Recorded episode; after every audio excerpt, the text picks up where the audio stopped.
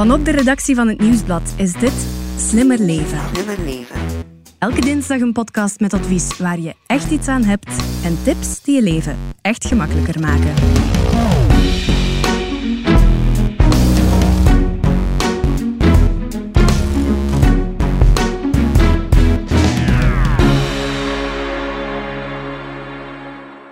Een eigen huis, een plek onder de zon. René Vroger die zong dat eh, mooi, hè? Ja. Eigen huis, de droom van velen. Maar een droom die veel geld kost. Wij zoeken uit hoe je die best kan bekostigen. Hoe je de beste woonlening kan vinden. Komt alles goed. Ik ben Elias Meekens en bij mij zit Stefanie Verhelst, vaste redactrice van de podcast. Hey, hallo. En Christophe Simons, journalist van het Nieuwsblad en van Slimmer Leven. Dag Christophe. Hallo. In deze podcast gaan we het dus hebben over woonleningen. Hoe vind je de beste woonlening voor jouw portemonnee? Hoe pak je dat aan? En loont het echt om te onderhandelen en te vergelijken? Alle antwoorden in deze aflevering van Slimmer Leven. Stefanie, Christophe, hebben jullie een woonlening lopen op dit moment? Yep. Ja, we hebben zes jaar geleden een huis gekocht. Mhm. En zijn toen dus een woonlening aangegaan. Ik vond dat echt niet tof om te doen. Ik vond dat verschrikkelijk. Dat uitpluizen, banken vergelijken, dan ook effectief overal langs gaan zitten onderhandelen en dan die knopen doorhakken. Oh, ik vond het eigenlijk wel een beetje beangstigend. Je zet je zo vast, precies voor een lange tijd. Hè. We hebben geleend op 25 jaar. Ehm, ja, we zijn zes jaar bezig, dus nog 19 jaar te gaan. Voilà. Zo lang nog. Oh. Nog Nee, maar ik, ga, 19 jaar. ik ga je jaloers maken, Stefanie. Onze woonlening loopt nog tot ergens in 2024. Wat? Nog drie jaartjes betalen en we zijn er vanaf. Maar goed, ja, de medaille heeft ook een keerzijde. hè. Ik eh, ben een prille vijftiger, dus ik ben al een pakje ouder. Mhm. Ik heb zelf eh, recent een eh, nieuw huis gekocht en dus ja, ik ik heb het hele traject... Je eh, komt van de bank. Ik kom net van de bank. We zijn alles kwijt. Nee, nee, nee, maar goed. Dus eh, ik heb het eh, ja, recent nog eens eh, helemaal doorlopen. Het gaat niet over een brood, het gaat over een hele smak geld. Ja, enerzijds zitten we in een situatie waar de vastgoedprijzen het afgelopen jaar in ons land nog maar eens gestegen zijn, voor een stuk door corona. Gemiddeld betaal je nu in Vlaanderen 306.000 euro voor een huis en 247.000 euro voor een appartement. Nu, anderzijds zitten we ook wel op een ander historisch punt, om het zo te zeggen. De rentes voor een lening bij de bank die staan heel erg laag. Vorig jaar was de gemiddelde rente 1,67 procent. Dus dan kan je beginnen rekenen. Hè? Ja, en daar begint het bij, vermoed ik. Hè? In je eigen portemonnee kijken. Ja, absoluut. Dus je moet echt wel, voor je op zoek gaat naar een huis, zelfs best eens kijken, berekenen wat eigenlijk je totale budget is. hè. Wat je enerzijds hebt van eigen middelen, je spaarcenten, of wat je krijgt van je ouders of zo. En dan eh, ook wat je kan gaan lenen bij de bank. Hè. Er is toch een regel voor, dacht ik. Hè? De een derde regel, geldt die nog? Ja, absoluut. Er wordt aangeraden om niet meer dan een derde van je inkomen aan een woonlening uit te geven. Eh, en ik heb er voor deze podcast ook nog een expert bij gehaald op dat vlak. Hij heet Yves Evenepoel, hij is van Testaankoop. En hij heeft eigenlijk een interessante rekensom gemaakt voor als je op dit moment huurt, om te weten te komen wat je dan eigenlijk maandelijks zou kunnen afbetalen aan een lening. Luister maar.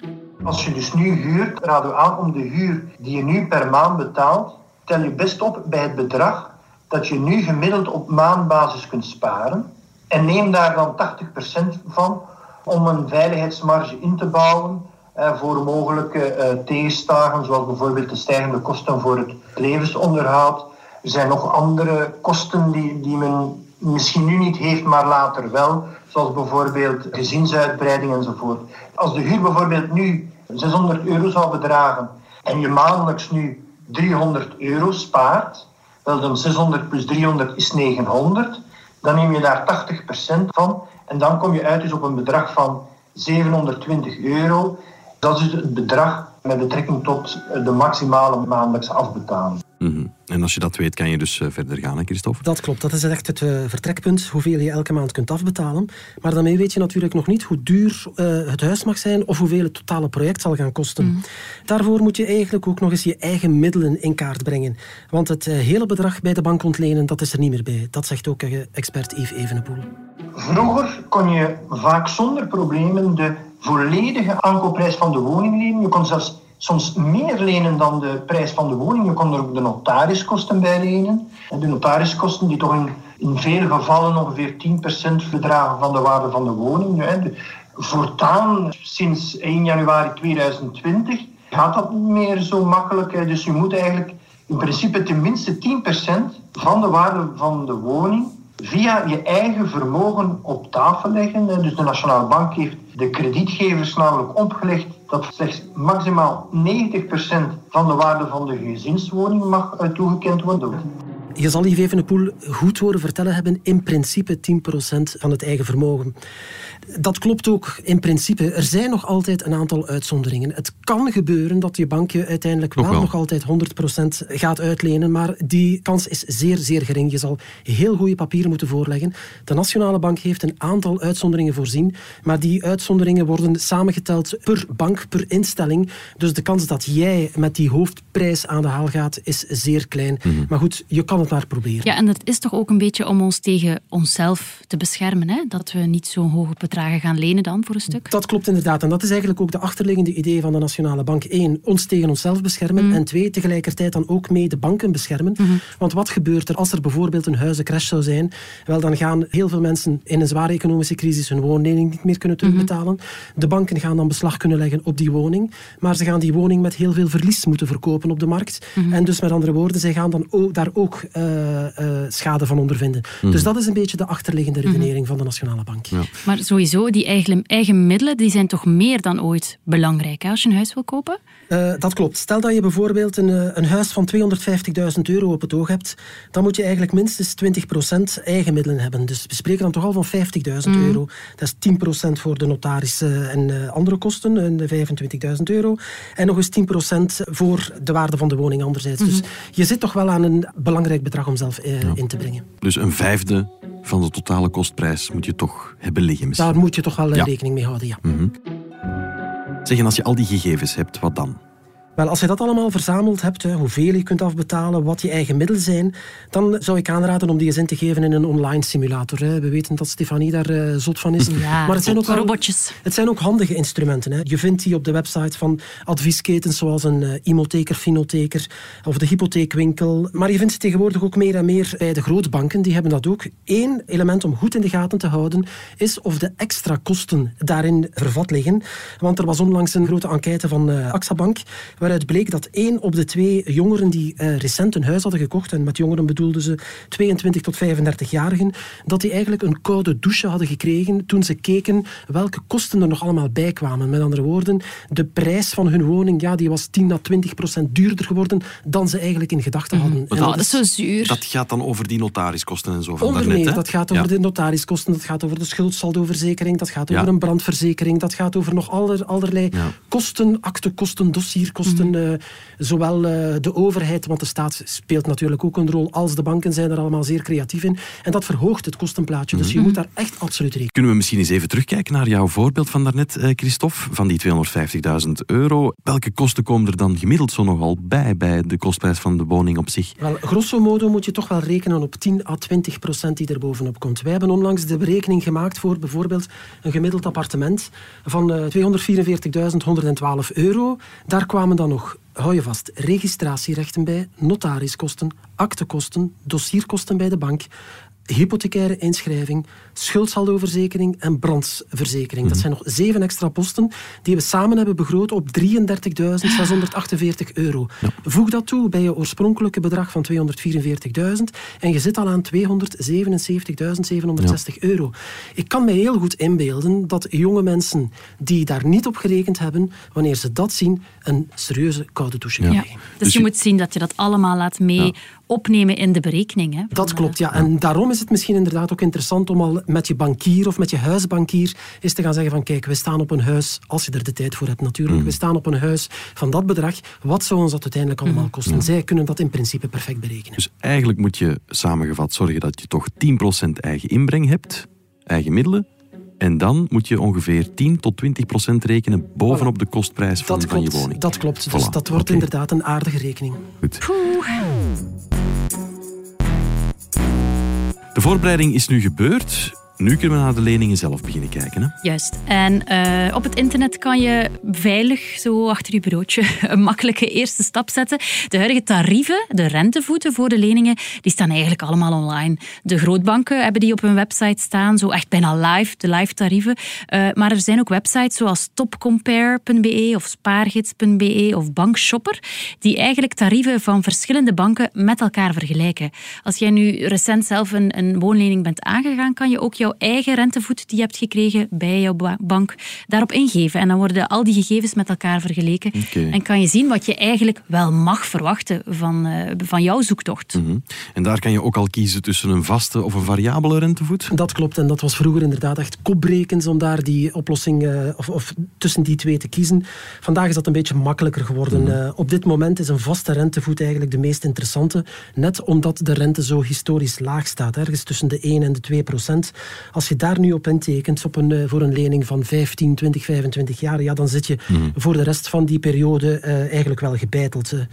Um, als je daarentegen kiest voor een lening met een variabele rentevoet, ja, die heeft een lagere rentevoet in vergelijking met die vaste. Maar goed, die kan gaan stijgen. Al moet daar dan de opmerking bij dat het percentage hooguit kan verdubbelen. Ja, dus ook dat, voilà, ook dat gezien de lage rentevoeten van vandaag. Maar waarom zou je dat nog doen, die variabele? Wel, uh, de, je, zou dat, uh, je zou dat kunnen doen omdat je uit je berekening blijkt, bijvoorbeeld als je het over een heel korte periode hebt, dat het misschien toch wel makkelijk of, of interessanter is om met die lage rentevoet over 10 of 15 jaar bijvoorbeeld, dat je dan goedkoper afkomt dan wanneer je een vaste rentevoet zou hebben hmm. over 20 of 25 jaar, ik zeg maar wat. En je hebt ook zo'n soort tussenoplossing, hè, nu? Ja, dat klopt. Er is ook nog zoiets als een accordeonformule. Uh, je begint dan bij het gunstig tarief van een variabele rente. Je betaalt elke maand hetzelfde bedrag, maar de looptijd van de lening kan veranderen als de rente stijgt. Hè. Dan wordt je looptijd langer.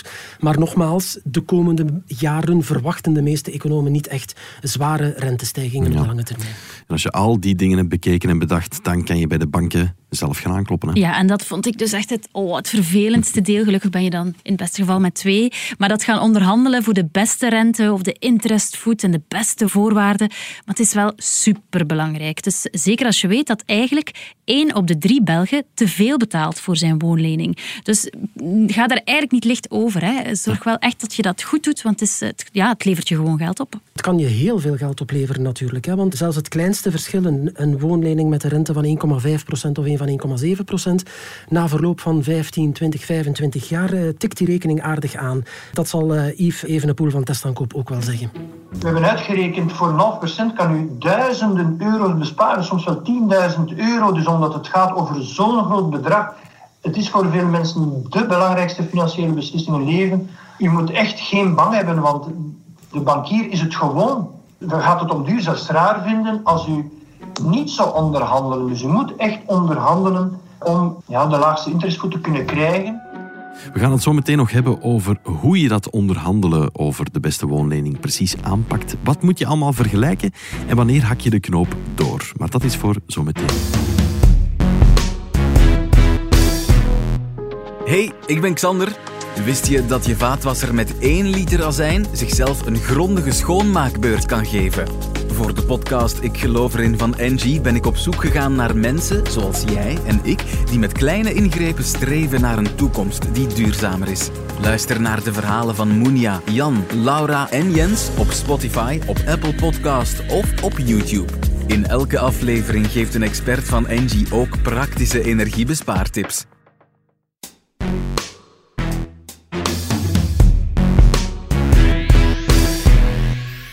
Hebben het in deze aflevering over de zoektocht naar de beste woonlening. We hebben ons budget al berekend en de tarieven van woonleningen vergeleken.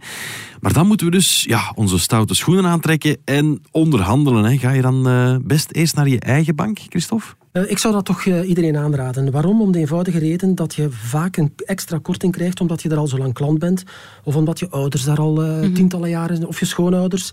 Let wel op, soms uh, durven ze wel eens het trucje uithalen om eens te bellen naar Brussel, naar het hoofdkantoor, om te vragen of ze niet iets heel speciaal kunnen doen voor die speciale mm klanten. Bij ons was dat wel letterlijk zo hoor, Christophe. Die zei dat echt. Het gebeurt inderdaad. En uh, nu, dat is allemaal doorgestoken kaart natuurlijk. Hè. Elke bankier, elke agent weet perfect hoe ver hij kan gaan, hoe ver hij mag gaan. Maar goed, dat klinkt natuurlijk goed en dat, dat is allemaal mooi en dat blijft je vooral bij. En dan hoor je sommige mensen wel vertellen aan hun uh, kameraden van ja, onze bankier heeft speciaal iets voor ons gedaan omdat we daar zo'n goede klant zijn. Stefanie, dus... bij jou hebben ze gewoon naar de sprekende klok gebeld. Zonder dat je het wist. Het is nu. Ja. Dus nu, om alle, uh, alle gekheid op een stokje, eerst beginnen inderdaad bij je eigen bankier. En wat ik dan zou doen, dat is uh, even op het internet naar die verschillende vergelijkingssites gaan kijken. Let daar wel goed op dat je geen appelen met peren vergelijkt. Mhm. hè, want dat durft al eens het geval te zijn. Dus zeer goed naar de kleine lettertjes kijken. En dan stel ik voor dat we nog eens even luisteren naar het advies van Yves Evenepoel. Wij schrijven eigenlijk dat u best twee dagen verlof neemt om zoveel mogelijk bankiers te bezoeken en aan elke kredietgever die je dat contacteert, alles op papier te vragen, een schriftelijke offerte te krijgen. Dus laat dus een hele rist cijfers op papier zetten. Kwestie van ook achteraf terdege te kunnen vergelijken. Dus vraag de som van alle maandelijkse afbetalingen, de kosten die je bij de notarissen moet ophoesten voor de lening, de schattingskosten, dossierkosten. Uh, ook de kosten van de verzekering, want meestal zullen ze je verplichten om een schuldsaldoverzekering en een woningverzekering te nemen. Ook een, een zichtrekening. Ja, het gaat dus niet alleen om onderhandelen voor de beste rente. Hè? Nee, dat klopt. Je kan eigenlijk echt onderhandelen over alles. Hè. Dus wat Yves net opzomde, en doe dat dus ook. Hè. De banken vermelden heel graag hun lage interestvoet. Op dit moment staan die ook historisch laag. Maar de rest, daar doen ze vaak wat vager over. Dus probeer daar echt letterlijk naar te vragen. Vraag maar door. Um, Zo'n schuldsaldo bijvoorbeeld. Je hoorde het Yves al even vertellen. Dat is een overlijdensverzekering. Hè. Um, daar zijn ook heel grote verschillen tussen de banken. Als je een goedkopere offerte voor zo'n schuld schuldsaldoverzekering bijvoorbeeld hebt in de hand, hè, hier op papier, mhm. dan kan je zelfs gerust eisen van de bank uh, dat je die verzekering elders kan nemen, zonder dat hij zijn rentevoet gaat verhogen. Ja, en dan de knoop doorhakken zeker? Dat klopt, ja. De knoop doorhakken, maar eerst nog eens langs gaan bij je huisbank. Toch nog Ja, toch nog altijd eerst eens langs gaan. Geef die man of die vrouw ook nog een laatste kans. Niet uit medelijden, voor alle duidelijkheid. Maar gewoon als trouwe klant heb je het recht op de beste voorwaarden. En dat moet je hem dan ook maar voorleggen. Dus dat betekent dat je met je beste offerte naar je eigen bankier gaat en hem dat gewoon op zijn bureau legt en zegt van kijk, dit heb ik hier gekregen. Ga je mee in dit verhaal? Als jij mij hetzelfde geeft, of misschien liever nog iets beter, mm. dan heb je mijn lening. Geef je mij niet hetzelfde, sorry, maar dan scheiden onze wegen. Bye bye.